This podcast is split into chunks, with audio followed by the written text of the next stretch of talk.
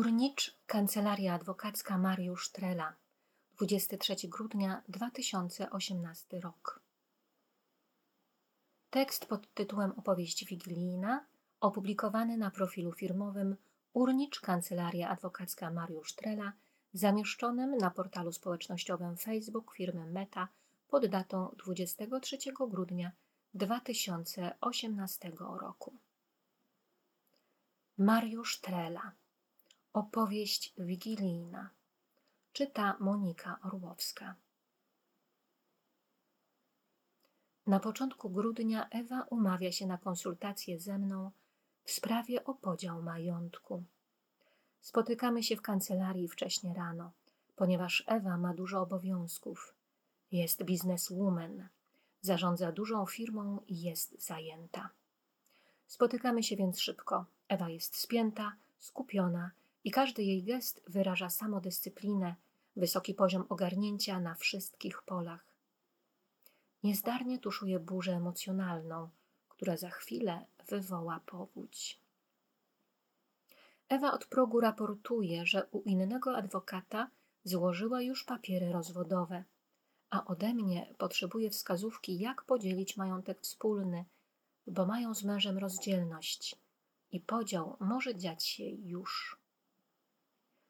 Burza w sercu Ewy jest powstrzymywana ostatkiem siły. Wyczuwam zbliżającą się erupcję wulkanu, który za moment wybucha. Bo mój mąż mnie zdradził, mecenasie. Cztery lata był z inną kobietą, a przede mną udawał dobrego męża. Staranny makijaż popłynął z pierwszym strumieniem lawy. Przyglądałem się uważnie mojej klientce, analizując, czy poradzi sobie z wulkanem. Ale sobie nie poradziła.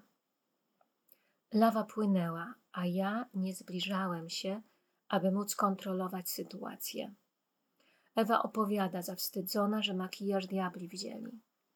Opowiada, a ja nie przerywam. Byli wiele lat udanym małżeństwem spełnionymi rodzicami, chłopcy wykształceni i ustawieni.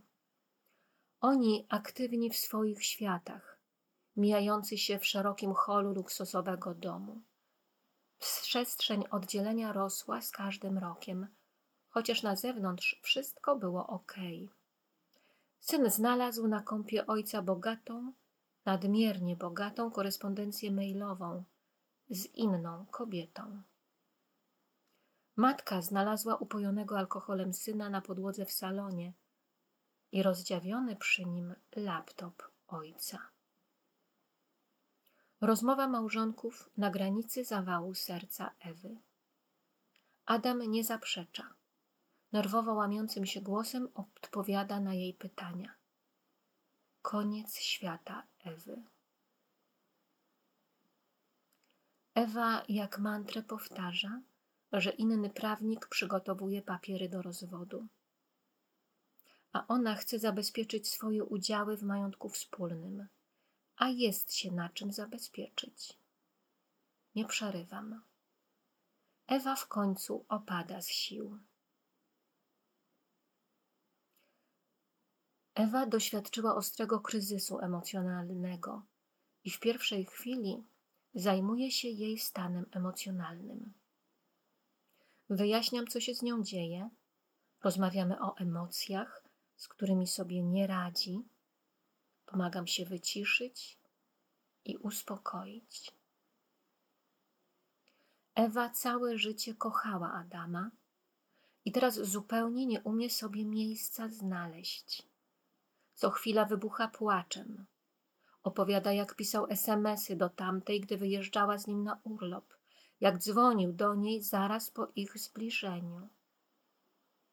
Lawa się wylała. Dym walący z krateru wulkanu przerzedzał się. Ewa opadła z sił i zastygła w bezruchu. Upewniłem się, że ma poczucie bezpieczeństwa i może ze mną rozmawiać.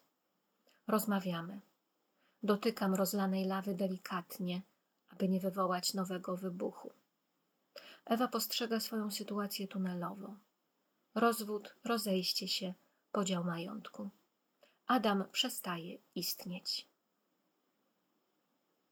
Pomagam jej spojrzeć na sytuację szerzej. Zadaję pytania, przez które Ewa otwiera się na nowe możliwości. Pytam o separację. Czy widzi możliwość odbudowania związku, jeżeli Adam zerwie więź z tą drugą i naprawi to, co popsuł? Jest zaskoczona. Nikt z nią o separacji nie rozmawiał. Ten inny adwokat, który przygotowuje papiery rozwodowe, w ogóle o tym nie wspomniał. Na drugim spotkaniu Ewa przychodzi z Adamem. Adam krótko, szczerze, po wojskowemu. Zdradził, zawiódł, zerwał stamtąd, przeprasza i prosi o przebaczenie. Wyznaje Ewie miłość i to wyznanie przyprawia ją o wymioty. Ale się uspokaja. Rozmawiamy w trójce o separacji z wyłącznej winy Adama. On się zgadza. Wszystko przyzna przed sądem. No to mamy z górki. Nie będzie świadków, chłopców nie trzeba będzie do sądu wlec. Adam otwiera się jak przed kumplem od piaskownicy. Mówi o swoim osamotnieniu, o jej dominacji i wiecznej frustracji, że on nie spełniał jej oczekiwań, bo jej nie dorównywał, nie bywał, nie starał się być podobnym do prezesów, dyrektorów, biznesmenów, z którymi ona miała styczność na co dzień. Nie wytrzymał presji. Związał się z kobietą, która Ewie nie dorastała do pięt i w tej relacji wegetował. Słucham uważnie i nie pozwalam Ewie kontrować. Teraz czas Adama. Kończy prostym stwierdzeniem, że ją kocha i zrobi wszystko, aby na nowo zdobyć jej zaufanie. Uspokoili się i przystępujemy do ustaleń. Zgodni są, że nie będą mnożyć kosztów, dlatego mieszkają dalej pod jednym dachem i prowadzą wspólne gospodarstwo domowe. No to ząg. Jaka separacja, skoro więź gospodarcza nie wygasła? Przyglądam im się z uwagą. To może separacja w ogóle nie jest wam potrzebna?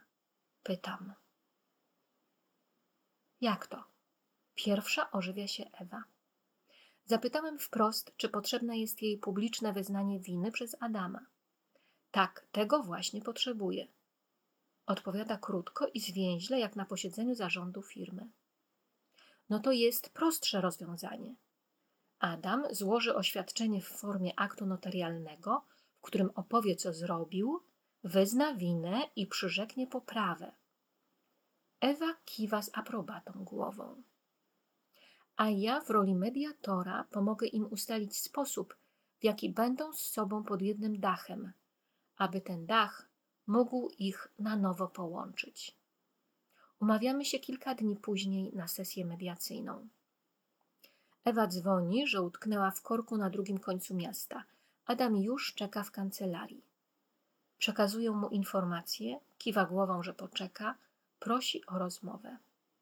Siadam i słucham. Adam z prostotą chłopca, którego gospodarz przyłapał na drzewie zrywającego czereśnie. Mówi krótko, bez ściemy, bez wybielacza, jak jest, jak było, i na koniec, patrząc mi w oczy, uratował Pan nasze małżeństwo mecenasie. Ewa wpada z wypiekami na twarzy, zdenerwowana, ale otwarta. Przynieśli swoje notatki, swoje postulaty i oczekiwania. Podają mi, żebym przeczytał. Ja proszę, aby sobie opowiedzieli to, co chcą zapisać, to, czego od dawna nie potrafili sobie powiedzieć. I mówią. Najpierw Ewa. Zaczyna po dyrektorsku, twardo, zdecydowanie. Ale po chwili zmienia głos. Jej ciało mówi o odprężeniu, nadziei, otwartości na dialog. Adamowi trudniej, ale radzi sobie. Też ma przygotowany elaborat trzymany w ręku, aby nic nie pominąć. Rozmawiają, rozmawiają, rozmawiają. A ja notuję i już układam sobie ich myśli w spójną całość. Przygotuję projekt porozumienia i wyślę im mailem. Wychodzą odmienieni, uspokojeni. Usiadłem do kąpa dopiero po kilku dniach. Nosiłem w sercu ich, ich bolesne doświadczenie. Szukałem sposobu na wyrażenie tego, co tak naprawdę sobie powiedzieli. Napisałem porozumienie w konwencji wzajemnej prośby. Żądania czy postulaty mogłyby jeszcze bardziej zranić każde z nich. Sięgnąłem do tajemnicy prośby, jaką skierował Adam, oświadczając się Ewie. Zawróciłem ich do tego czasu, kiedy ich wzajemne zaufanie było niezmącone. Może będą chcieli z tej studni raz jeszcze zaczerpnąć. Jutro w czasie pasterki przyniosę Jezusowi do żłóbka wszystkie Ewy i wszystkich Adamów, którym służyłem w tym roku. Cztery małżeństwa, które sąd rozwodowy przysłał do mnie na mediację, podjęły próbę pojednania i wycofały sprawy z sądu. I przypomina mi się myśl przekazana przez proroka Izajasza, a choćby grzechy wasze były jak szkarłat, nad śnieg wybieleją. Bo Bóg się w tobie odrodzi, ilekroć tego zapragniesz, i ma moc wyprowadzić cię z grobu jak łazarza, jeśli tylko tego zapragniesz. Bóg się rodzi. Dzieląc się tą fantastyczną nowiną, życzę Ci, abyś całym swoim poranionym sercem zaufał, zaufała Jezusowi. On obiecał, że przyszedł dać Ci życie swoim. On obiecał, że przyszedł dać życie swoim owcom i to życie w obfitości. Niech nie ominie Cię ta obfitość, niech nie zabraknie Cię wśród pastuszków. Wszystkim znajomym, bliższym i dalszym, wszystkim klientom i tym, którym na różne sposoby miałem sposobność służyć, błogosławionych świąt Bożego Narodzenia. Urnicz, Kancelaria Adwokacka Mariusz Trela, 23 grudnia 2018 rok.